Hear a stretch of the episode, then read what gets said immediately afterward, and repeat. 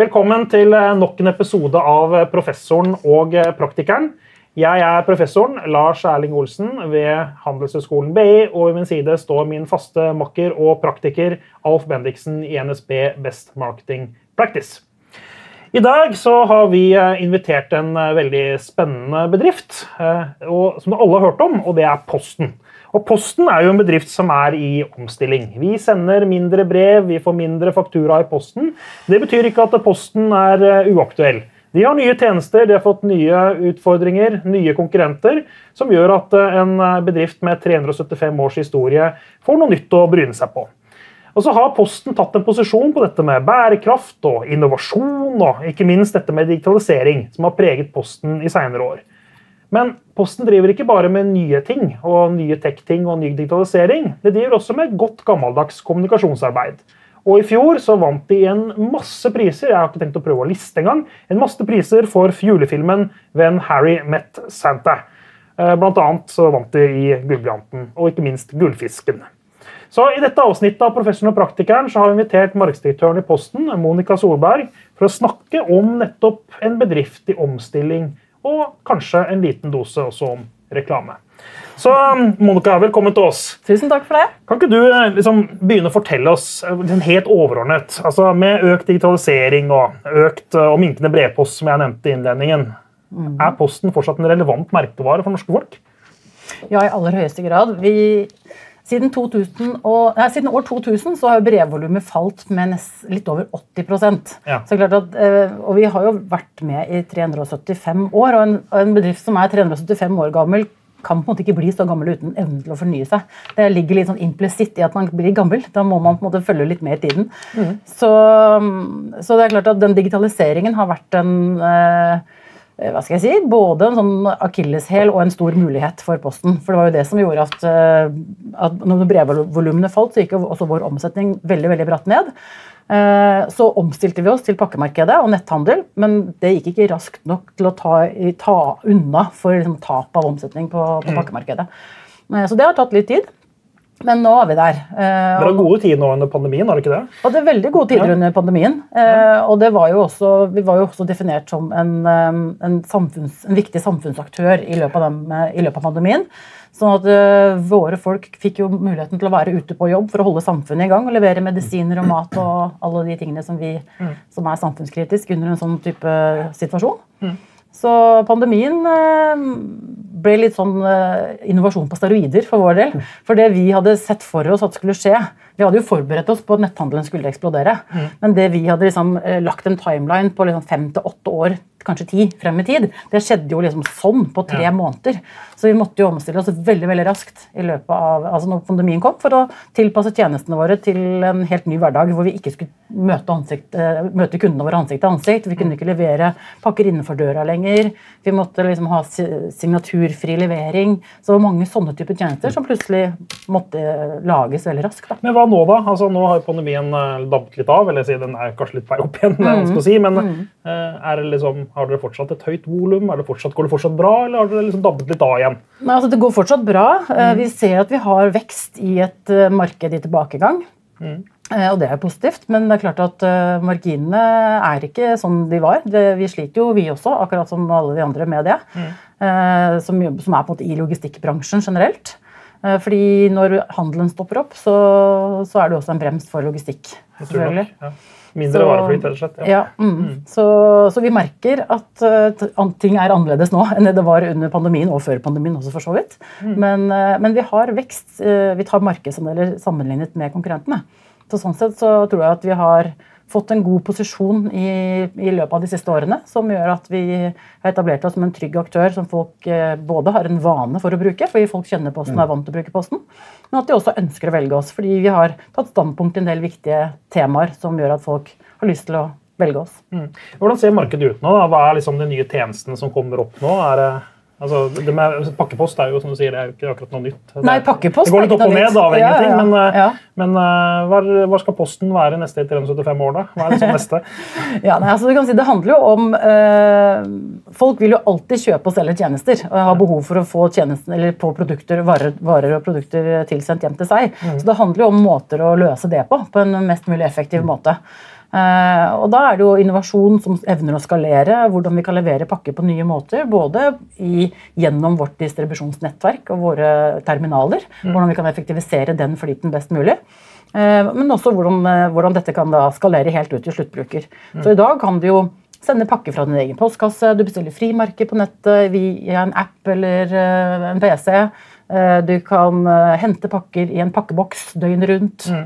Ja, så det er tror jeg ikke jeg har kjøpt på ti år, men eh, Nei, spennende, at jeg, spennende at jeg kan bestille det. Det kan du bestille. å kan droner. Når kommer dronene? Når kan jeg få det liksom bare liksom firt ned i Ja. pipa? Liksom? Vi har ikke noe dato på det, men vi har jo eh, Amazon har jo begynt, har de ikke Ja, det? jo, det, ja, det har de. Men eh, vi, så vi er jo i testfasen. Så vi det er dårlig timing akkurat nå, da, for skyter de dronene Ja, nå, men Vi hadde faktisk en, en sånn episode her for eh, noen uker siden, det er vel tre uker siden nå, eller noe sånt, hvor vi hadde en test i Trondheim. Eh, hvor vi testet droneleveranse sammen med et forskningsprosjekt der oppe. Eh, og da Dagen etter, eller det var vel dagen etter at det hadde vært noen sånn droneanmeldelser og greier i forbindelse med Russland, så vi fikk litt sånn på at det var kanskje litt dårlig timing posten. Men, eh, men det er klart at vi er jo nødt til å, å videreutvikle våre tjenester og teste nye ting hele tiden. Ja. For å sørge for at vi eh, holder oss relevante og leverer varer på en måte som tilpasses eh, dagens hverdag da, for forbrukerne. nettopp. Dette her med økt eh, fysisk og mental tilgjengelighet er jo sånn viktig begrep innenfor merkevarebygging. Litt sånn ny, nye, nye, nye markedsbegrep, i hvert fall. Ja. Og I gamle dager så var det jo postkontor overalt. Men det var veldig sånn fysisk tilgjengelighet. ja. Eh, men det finnes det ikke lenger. Nei, nå tror jeg det er nede i fire, faktisk. Jeg tror det er Det er- fire det er fire postkontor altså. igjen. I Ja, det det? er fire postkontor i Norge. ja. Men det er så rart at du sier det, for det er jo postkontor overalt. Det er helt riktig. Men jeg, Det er godt, godt Det var et spørsmål. Det et. Ja. Jo, men jeg synes, det, akkurat der syns jeg jeg har fått unødvendig tynn. tyn. Fordi, eh, men eh, dere har ikke vært så veldig gode til å kommunisere heller. For dere har bygget ned egen distribusjon, Ja. og så har dere økt eh, tilgjengeligheten sinnssykt bra uten Ja. å få kred for det. Ja, det kan du godt si. Vi har jo, det finnes jo, altså, vi- kommer an på hvordan man definerer et postkontor. Ikke sant? Et, et postkontor hos oss er jo bare den, det, et, kontor, et lokale som vi på en måte leier eller eier og driver et postkontor gjennom. Men nå er det jo um, tu, altså hundrevis, tusenvis av eh, steder man kan hente ting i Norge. Bl.a. Blant annet Post i butikk, som er åpent fra syv om morgenen til elleve om kvelden. stort sett. Så Tidligere så måtte folk ta seg fri fra jobben for å hente en pakke i postkontoret. Fordi det har helt andre åpningstider. Så tilgjengeligheten for kundene har jo blitt vesentlig bedre. Men postkontorer er jo en, en, en hjørnesteinsbedrift, kanskje. I, altså det, er, det er liksom et eller annet det postkontorene i lokalmiljøene. Eh, hvor man har fått løst veldig mange tjenester, bl.a. banktjenester ikke sant, tidligere også. Og før så kunne man kjøpe plater. Ja, man ja, kjøpe... ikke kjøpt pocketbøker Ja, og litt av hvert. Men det, det har du slutta helt med, eller? Det har vi slutta med. Ja, jeg si? jobba, med Posten på nå husker jeg ikke når det var, siden det var 90-tallet. Da. Ja. da dere skulle introdusere gullbrevet for å få folk til å skrive mer brev. Ja. Søtt lite prosjekt, men ganske sjanseløst. men men ehm, da husker jeg vi hadde noen fokusgrupper om, eh, om eh, postkontoret. da. Mhm. Og så spurte, folk, eh, spurte vi folk da ja, hva er det Posten holder på med. da? Ja, De selger bøker og plater og Mhm. Innpakningspapir og sånn. Ja, Hva med pakker og sånn? Nei, det vet jeg ikke om de driver med lenger. Det- Men det var nesten der. Fordi det var litt sånn, dette var litt sånn innovasjon på slutten av en tid da, man, da teknologien ikke var kommet for fullt. Ikke sant? Og så plutselig mm. var skyter det Men husk på at På den tiden så var det sånn at du skulle hente en pakke på postkontoret. husker jeg veldig godt, så var det kanskje litt, sånn, litt før jul så var det sånn 20 minutters ventetid da, for å få den pakken. for det var ja. mange i kø. Ja. Så hadde du tid da, til å gå og kikke på bøker og plater. så det var jo en logikk. Men det er akkurat det som er poenget. ikke sant? Fordi Det var jo nettopp det. Det var jo mange, mange mennesker innom postkontoret tidligere. Og da hadde man jo muligheten til mersalg på sånne type tjenester eller sånne type produkter. Og den, eh, den tiden har jo ikke folk lenger. Og dessuten så står folk veldig sjelden i kø på postkontor og postbutikk lenger, fordi det er en veldig effektiv uh, måte å hente Jeg husker en person, for Vi hadde en sånn inn inne i fokusgruppe. da. Og så var det en som fortalte at han hadde stått i kø da, Mm. på 25 minutter. Og så hang det en plakat inne på postkontoret der det sto 'Hvorfor står du i kø?' Og han sa 'Hvorfor jeg står i kø?' for han hadde ikke fått med seg at han kunne gjøre det på en annen måte. Da. Nei, For det var ingen nei. som hadde fortalt ham. Han var fly forbanna på Posten. Ja. Sånn er det ikke lenger. Nei, sånn er det ikke. Men eh, Posten som merkevare, da. Dette er jo en gammel merkevare, som du sa. Det er Ja. eh, hvis jeg husker riktig, ca. 375 år. Du får korrigere meg. på Ja, jubileum i år, faktisk. Ja, det er jubileum i Ja, år. ja. Altså, det var 375 i år. Jeg var det var i fjor eller neste år. Det er i år. Men det er i år. Ja. Eh, hvordan har merkevaren endret seg? da? Altså, hva er merkevaren til Posten nå? Er det det samme fortsatt? Har dere samme posisjonering, eller har det endret seg? Altså, vel, Vi har jo endret slagordet vårt litt opp igjennom. Men jeg tror nok at posisjonen til Posten den har endret seg litt i takt med hvordan folk endrer seg. Fordi vi er liksom en bedrift som er tilgjengelig for alle, og som alle har et forhold til. Eh, Så mm, i, i dag for eksempel, så er vi jo mer kjent for det å være innovative, for eksempel, følge litt med i tiden. At vi driver med netthandel. At folk kan velge post når de handler på nett. Du tenker at folk tenker Så- Posten det er innovativt? Nei, jeg tror ikke alle gjør det. Jeg tror, men jeg tror de som er eh, spesielt interesserte, gjør det. Ja. Og de som følger med, de gjør det. Men det er et mål at folk skal tenke det? eller? Altså, en ja, ting er folk gjør, en annen altså- ting hva dere vil. Ja, altså, Det er et mål i rekrutteringsøyemed. Vi ønsker å tiltrekke oss de beste folka. Og da er vi nødt til å posisjonere oss på en måte som gjør at de opplever oss som en attraktiv arbeidsplass. Eh, Så i forhold til employer branding så er det viktig for oss. Ja, nettopp. Og når det gjelder kommunikasjon, så har vi tenkt at vår oppgave med det er Vi kan selvfølgelig snakke så mye vi orker om innovative tjenester eh, som vi selger, og hva vi gjør for noe på innovasjon. Men for vår del så handler det mer om å lage kommunikasjon som oppleves som innovativ og moderne. Eh, sånn at folk eh, ser til Posten i forhold til hvordan vi jobber med kommunikasjon. Da, rett og slett, og hva slags type kommunikasjon vi lager. I kombinasjon med at vi selvfølgelig skal snakke om nye tjenester og innovative løsninger. Og et stikkord her er jo bærekraft. Ja. Og dere, så vidt jeg har registrert, så vant dere i fjor, eller i år kanskje, Sustainable Brand Index. Var kom dere ganske Ja. høyt der. Mm. lurer på om det kom på øverst? Gjorde det? Det stemmer. Ja, stemmer. Mm. Ja, og det, bærekraft av Posten, det er jo ikke noe, det er fint det, men er er det viktig liksom, for Posten? Det er Hvorfor, eller, jeg skal spørre, det er et dumt spørsmål. Spør Ja. måte, Hvorfor er det viktig for Posten? Det er mye mer interessant Ja, det er, om det er viktig. viktig. Det er, det, det er viktig, og grunnen til det er jo selvfølgelig fordi eh, vi er jo en del av, stor del av problemet. Ja. Altså Som logistikkaktør så ligger det liksom i DNA. De er en del av problemet. Men du har ikke skip, eller dere ikke med tungolje og sånn? gjør du det? Nei, det gjør vi ikke, men vi har jo mange biler og lastebiler Ja. rundt omkring da, som kjører rundt på veiene og leverer varer. leverer varer. Eh, og det er klart at eh, mm, Når vi er en så stor del av problemet, så har vi også en mulighet til å være en del av løsningen eh, ved, å, ved å omstille. Så En av våre største tiltak er jo selvfølgelig å omstille til elektriske, vare, eller elektriske kjøretøy. Eh, og omstille terminalene våre til hvordan vi, hvordan vi drifter de med solceller og, og sånne type ting. Hvordan ligger det an der, da? Altså, for Vi hadde Petter Gulli her for en tid tilbake. og Han er jo Ja. en reklamemann som har posisjonert seg rundt dette med bærekraft. Mm. og Han snakket om at løsningen var ikke elbiler, løsningen var ellastebiler. Det var det Ja. som var greia. Ja, liksom. det er helt riktig. Ja. Vi har jo bestillinger. altså Vi har bestilt dette for lenge siden. Vi var en av de første som bestilte den store lastebilen fra Tesla. For eksempel. -hmm. Men der eh, ligger vi jo, og der venter vi jo på teknologien. Ja. Altså, det, det finnes ikke, De lastebilene fins ikke ennå. Er Eller de trailerne fins ikke ennå. Nei, det er likt for alle. Ja, det er likt for alle. Mm. Så da må vi rett og slett bare sitte, og, sitte på gjerdet og vente. Men så fort teknologien er der, og produktene er tilgjengelige, kjøretøyene er tilgjengelige, så, så er vi en av de første i køen til å få en sånn en. for det heter jo Posten konsern. Ja. Posten Norge AS, ja. Ja, riktig. Mm. Men jeg prøvde å google det, ikke google, men eh, å se på, på proff.no. ja. Eh, og omsetninga er jo på 12-13 milliarder et eller Mhm. annet sted. Men det inkluderer Bring, ikke sant? Det inkluderer Bring, ja. Og Bring er jo veldig mye større enn Posten. ikke? Ja, altså Bring eh, er ikke veldig mye større enn Posten, men det er jo, de står for en stor del av omsetningen innenfor B2B-markedet. Ja. Eller med all omsetningen innenfor B2B-markedet, egentlig. Ja. Og det er jo selvfølgelig det er jo vår nordiske merkevare. Eh, Og i 2009 så etablerte vi Bring som merkevare. Fordi altså Posten Norge AS har jo to merkevarer. Det er Posten og det er Bring. Eh, Og da er det jo Posten for, for det norske folket. eh, Og Bring for bedrifter i Norge og bedrifter og privatpersoner utenfor Norge. Så i Sverige og Danmark eh, så startet vi ganske nylig, egentlig, Sverige for tre år siden og for, i Danmark for ett år siden, å kommun- kommunisere mot konsumenter i Sverige og Danmark. Så vi er i ferd med å nå etablere Bring som merkevare mot konsumenter utenfor Norge.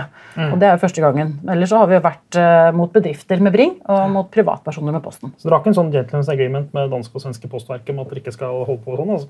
Overhodet ikke. Så, så vi får snart den svenske Posten i Norge, da. Det har vi allerede. Det er jo PostNord. Ja, det er PostNord, selvfølgelig. Ja. selvfølgelig, det har du helt rett i. Men ser du, Jeg tenkte ikke på den svenske Posten, men når du sier det, så vet jeg jo Ja. det. Ja, Ja, Svenske og danske Posten er jo PostNord. selvfølgelig. Ja, selvfølgelig. Det har du helt rett i. Slår seg ikke sammen, altså. De har gjort det allerede. Nei, tenk på dere og dem. Nei, det er ikke noen planer om det som jeg vet om, i hvert fall. Vi får høre med samferdselsministeren. Ja, vi får høre med han. Det- er Næringsdepartementet. Nei, Næringsdepartementet. Mm. Riktig. Men eh, fordi jeg syns jo da dere lanserte Bring, at det var et genialt navn. Mm. Altså, dere fikk jo selvfølgelig tyn som alle andre som lager en ny logo, men sånn er det bare. Ja. Men navnet Bring er jo helt fantastisk. Mm. Men jeg håper å si, Hadde dere gjort det samme i dag og hatt to merker i Norge, altså ett på bedriftsmarkedet og ett på privatmarkedet, sånn som dere har, og så bare kjøpt Bring internasjonalt? Nei, I etterpåklokskapens lys så tror jeg nok ikke det. Nei. For det er jo ganske kostbart å Ja, det det. drifte to merker. Men det var omstridt når det kom i sin tid også. Jeg husker veldig godt at det var en Absolutt. debatt. Absolutt. Og vi var jo, det var en kjempediskusjon internt også. Men det er klart at vi, vi hadde ikke muligheten til å hete Posten utenfor Norge. Nei. Eh, og Posten er en, så, altså en bedrift som folk har et så nært forhold til. En så ekstremt sterk merkevare. Eh, hvis du sammenligner Posten i Norge med PostNord i Sverige og Danmark altså Posisjonen er jo helt diametralt forskjellig. Eh, hvor PostNord har slitt ganske lenge med dårlig omdømme og, og negative assosiasjoner til merkevaren sin. Mens i Posten så er det i all hovedsak positive assosiasjoner til merkevaren. Eh, og det gjør at eh, det er utfordrende, selvfølgelig. Og når man skal velge bort en sånn type merkevare som Posten. Ja, For det hadde jo vært alternativet den gangen. Er, Å skrote Posten og bare velge Bring. Ja, fordi, ja, det ville jo aldri gått. Det, det ville vært, eh, om ikke selvmord, så ville det vært ganske teit. Men fordi vi har stilt det spørsmålet der til, til en del andre som tok en sånn beslutning for noen Ja. år siden, og svaret er det samme som du sier. Nei, I dag så hadde vi faktisk ikke gjort det. Fordi jeg tenker jo at eh, Jeg ser jo veldig mye mer Bring-biler på veien enn postenbiler. Altså, du gjorde i hvert fall det før, men nå gjør du ikke det lenger, tror jeg. Nei. Jeg tror det er det Vi omprofilerte altså tidligere, Vi har noe som heter Nettverk Norden. Det het Nettverk Norge for eh, kun kort tid siden. Og for noen år tilbake, så, for to-tre år siden så tok vi en beslutning om å, om å profilere bilene i Nettverk Norge som røde. Og det handler jo om eh, kostnadseffektiv drift og hvordan man skal fremstå, holdt jeg på å si. Vi, ser, vi så at Posten også var i ferd med å miste litt synlighet i det norske Ja, ja, markedet. ikke sant? Nettopp, nettopp. Så, ja. Jeg husker at når Bring kom, så var det Bring-familien i Valdres var ikke så fornøyd med navnet. Er det, er, det, er det landet nå? Det er landet. Har de fått kompensasjonen sin? Jeg har ikke hørt noe om saken de siste årene siden jeg begynte i 2016. i hvert fall, så jeg tror ikke det er noe sak Nei, det er sikkert det er mer enn ti år siden. Jeg bare husker det var en veldig morsom debatt. Ja. Vi, heter, vi er Bring-familien, har dere spurt oss. Veldig, veldig morsomt. Du, vi må snakke litt om reklamefilm. Eh, og dere har jo noen år nå hatt en tradisjon med lang lage julefilm. eh, og i fjor så fikk dere ordentlig jackpot med at dere lagde en film som virkelig har vunnet masse priser og sånt nå. Eh, hva, er liksom, hva er tankene? Hvorfor skal dere lage julefilm? Altså, hvorfor skal Posten gjøre det? da? Det, er mange som, det finnes jo mange aktører som lager julefilm, Ja. men hva er liksom Postens greie oppi dette? Altså Fjerde kvartal for oss er jo vår høysesong. Det er jo da vi er aller mest relevante for Norges befolkning. fordi sånn generelt gjennom året så er jo vi en litt sånn hygienefaktor som bare er der når folk trenger å sende og motta pakker. Mens før jul så da er vi en tjeneste som veldig veldig mange mennesker har behov for. Fordi de skal sende pakker til familie og venner rundt omkring i Norge og hele verden. Og motta.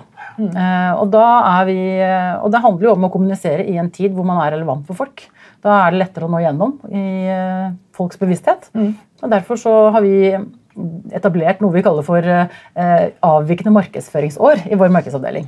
Så vi starter liksom, vi har vår peak i fjerde kvartal når vi er mest relevant for folk. eh, og vi har liksom, eh, og er veldig høyt til stede generelt i samfunnet. Eh, og så surfer vi litt videre på de algoritmene som har liksom jobbet for oss gjennom hele oktober, november og desember. Inn i januar, februar og mars, som er roligere måneder for oss. Som gjør at vi kan liksom ha egenprodusert innhold og andre type, annen type innhold da, som gir oss god effekt da, i første kvartal. Som er litt roligere for oss. Altså det å lage julefilm og Posten, det er enig deg, det virker veldig logisk. Men, men dere har også valgt å bruke det som, nesten som politiske statements. Uh, I fjor så var det et homofilt par. Vi skal komme til årets film litt. Ja. Men dere tar jo noen standpunkt i disse filmene også. Hva er, hva er tankegangen bak det? da? Eller, hva er koblingen til Posten? og Hva er relevansen? for å spørre på den måten? Ja, nei, altså Det er jo egentlig flere aspekter bak å ha disse filmene. Det startet jo med at vi, eh, med at vi introduserte Posten som, eller postbudet som pappaen til Jesus. det var jo ikke noe politisk standpunkt, det. Men det var jo bare en Men det var, annen men det var kontroversielt. Det var kontroversielt. Ja, definitivt. Det, det må man jo si. Jeg fikk noen reaksjoner på den. Vi fikk mye reaksjoner på den eh, fra mange forskjellige miljøer. Det var jo demonstrasjonstog i USA, og Polen ble jo nesten bannlyst. Mhm. For der er det mange katolikker. Eh, så det er klart at det var mange reaksjoner på den filmen. Og året etter så var det jo denne, denne sin, litt sinte nissen eh, som hadde litt sånn Trump-lignende holdninger og utsagn. yep, husker den. Ja.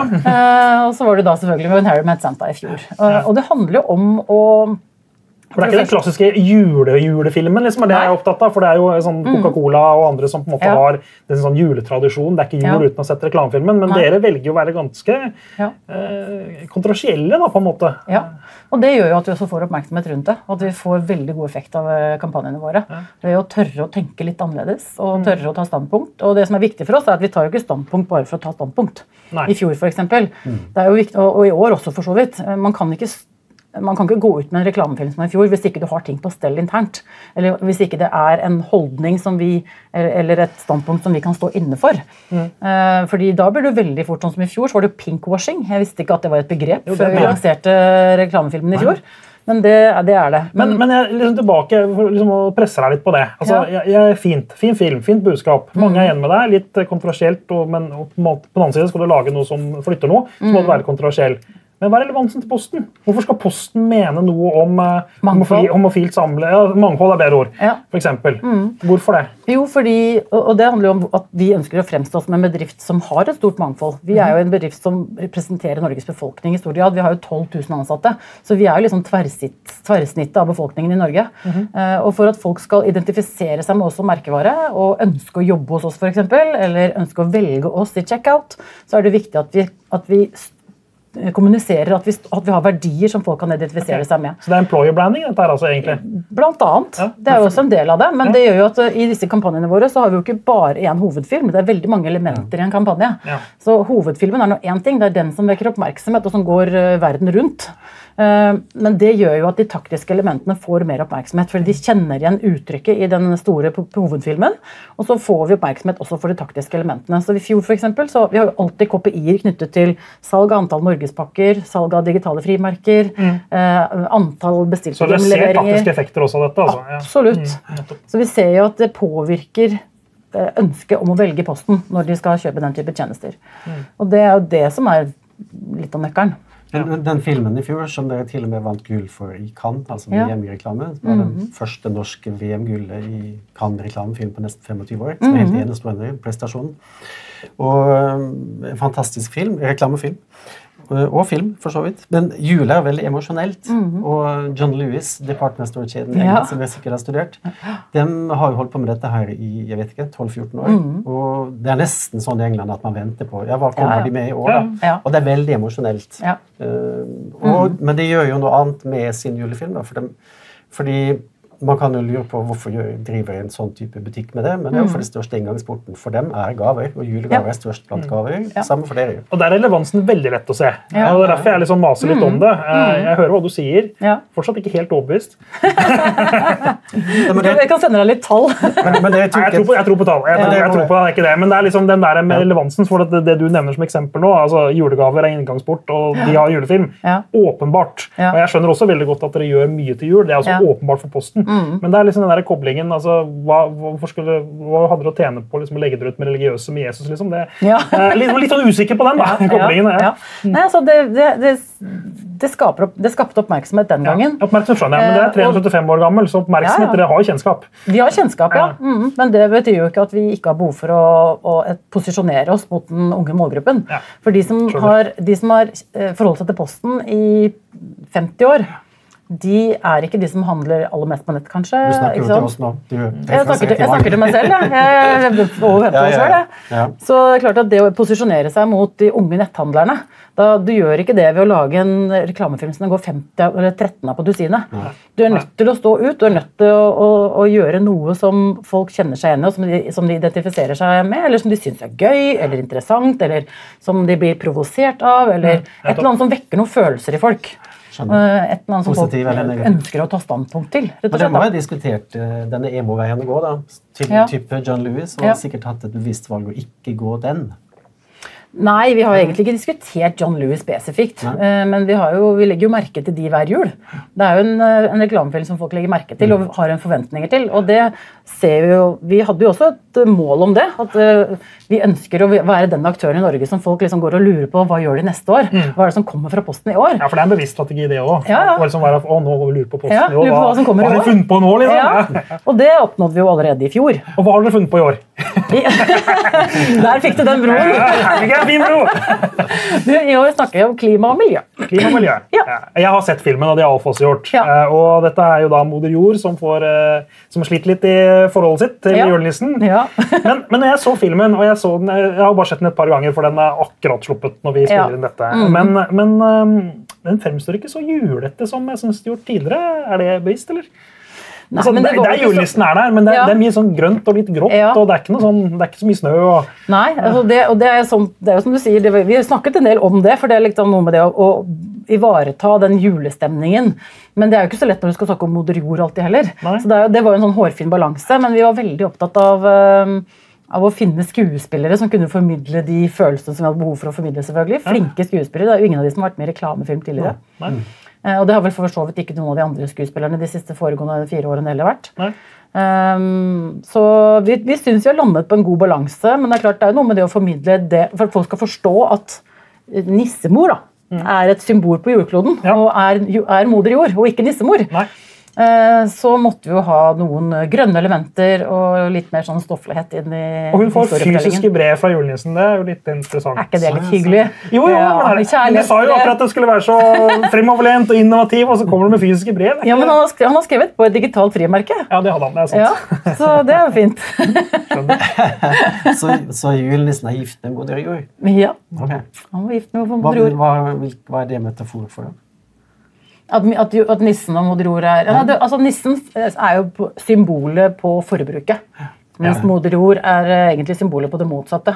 At hun ønsker et mer moderat eh, forbruk. At folk skal bli mer oppmerksomme på, eller litt mer bevisste da, på hvor, eh, hvor mye er det man shopper til jul. Trenger vi egentlig alt det vi shopper? Er det greit å gi brukte julegaver? Ja, det er helt greit. Kan vi pakke inn julegavene våre i brukt emballasje? Ja, det er helt tommel opp.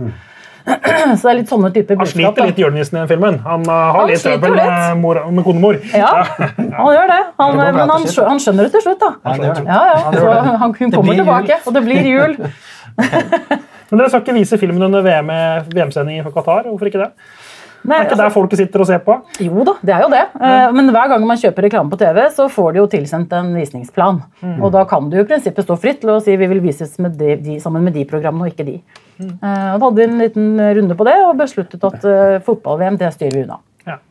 Så da gjør vi det. Men du, altså de, for å si det sånn da, de som ser på fotball-VM, de driter jo i hva som skjer der. Er det så Ja, Eller så er de så eh, lidenskapelig opptatt av fotball at de eh, tenker at det får stå sin prøve. Jeg må innrømme at jeg har lett etter gode grunner til å kunne få se på fotball-VM. Jeg Ja. leste til og med leder i The Economist denne uka her, som, Ja. som mente at vi burde ta Qatar i forsvar. Jeg syns det var den dårligste lederen som har stått i The Economist så lenge jeg leste bladet. Ja. Så jeg fikk ingen argumenter. da. Nei, Nei. Jeg sliter litt med det, jeg Ja. òg. Så ja. ja. Hva har du lært i dag, Alf? Jeg har lært at eh, Posten begynner å bli det selskapet som jeg husker dere hadde som misjon da Frydenberg var sjef. ja Kåre Frydenberg. Verdens mest fremgangsrike postselskap. Ja. Da tenkte jeg at åssen i all verden skal dere få til det? da? Men det er dere jo litt sånn på vei til, og det er kult. Ja, det er veldig, veldig gøy. Tusen takk for at uh, du kom til oss på denne podkasten. Tusen takk for at jeg fikk komme. å høre om en så gammel merkevare som er så fremoverlent. Og til deg som ser på, tusen takk for at du så på oss. Eh, Følg med. Hver uke slipper vi en ny episode av Professoren og Praktikeren. Du må huske på å følge oss i den podkastplattformen som passer deg. Enten om det er Apple, eh, eller om det er Spotify, eller hva det er. Eller du kan se oss på Kampanje TV. Så vel møtt igjen neste uke.